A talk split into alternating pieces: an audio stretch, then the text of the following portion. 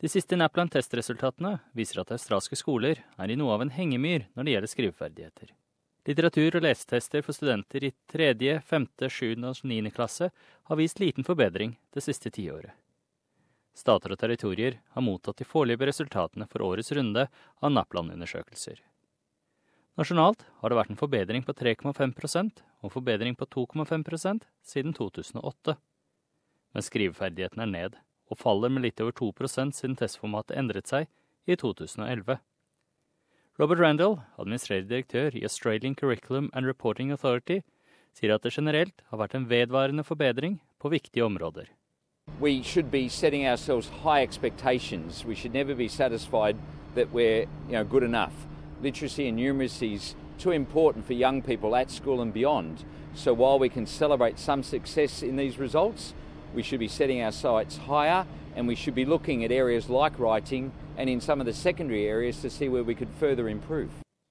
Queensland og Western Australia har vist den største forbedringen innen leseferdigheter og tallforståelse i løpet av det siste tiåret. ACT, Victoria, New South Wales og Tasmania oppnådde alle høye resultater, mens deres resultatvekst har flattet ut. Sør-Australia gjorde det dårligst i 16 av 20 kategorier. Nordterritoriet er den eneste staten eller territoriet som går bakover i alle kategorier siden i fjor. Utdanningsminister Simon Birmingham sier at resultatene er en virkelig bekymring. It's a mixed bag of NAPLAN results today. Our priority as a government now is to build on the reforms that we've already implemented. Better teacher training in our universities, where we're guaranteeing that future graduates are going to be literate and numerate themselves and in the top 30% of Australians for their capabilities. Labour MP Linda Burney mener at endringer i utdanningsfinansieringen under koalisjonens såkalte Gonski 2.0-plan hemmer studentenes utvikling. Simon Birmingham has walked away from Gonski, he has walked away from needs-based funding, and he has abandoned what states and territories thought they were going to receive under the Gonski arrangements. Corina Haythorpe for Australian Education Union er enig.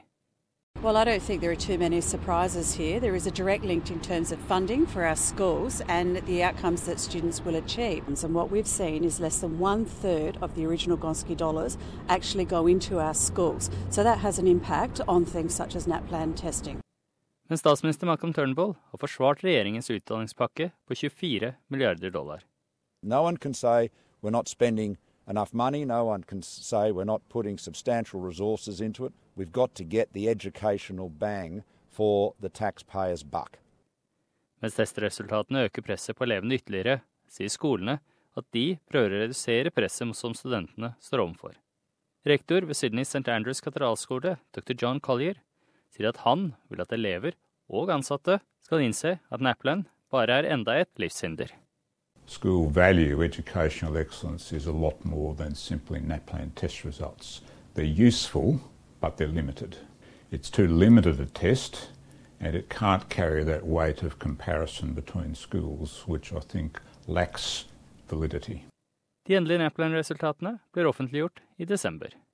Denne saken var laget av Omar Dabag på SBS norsk.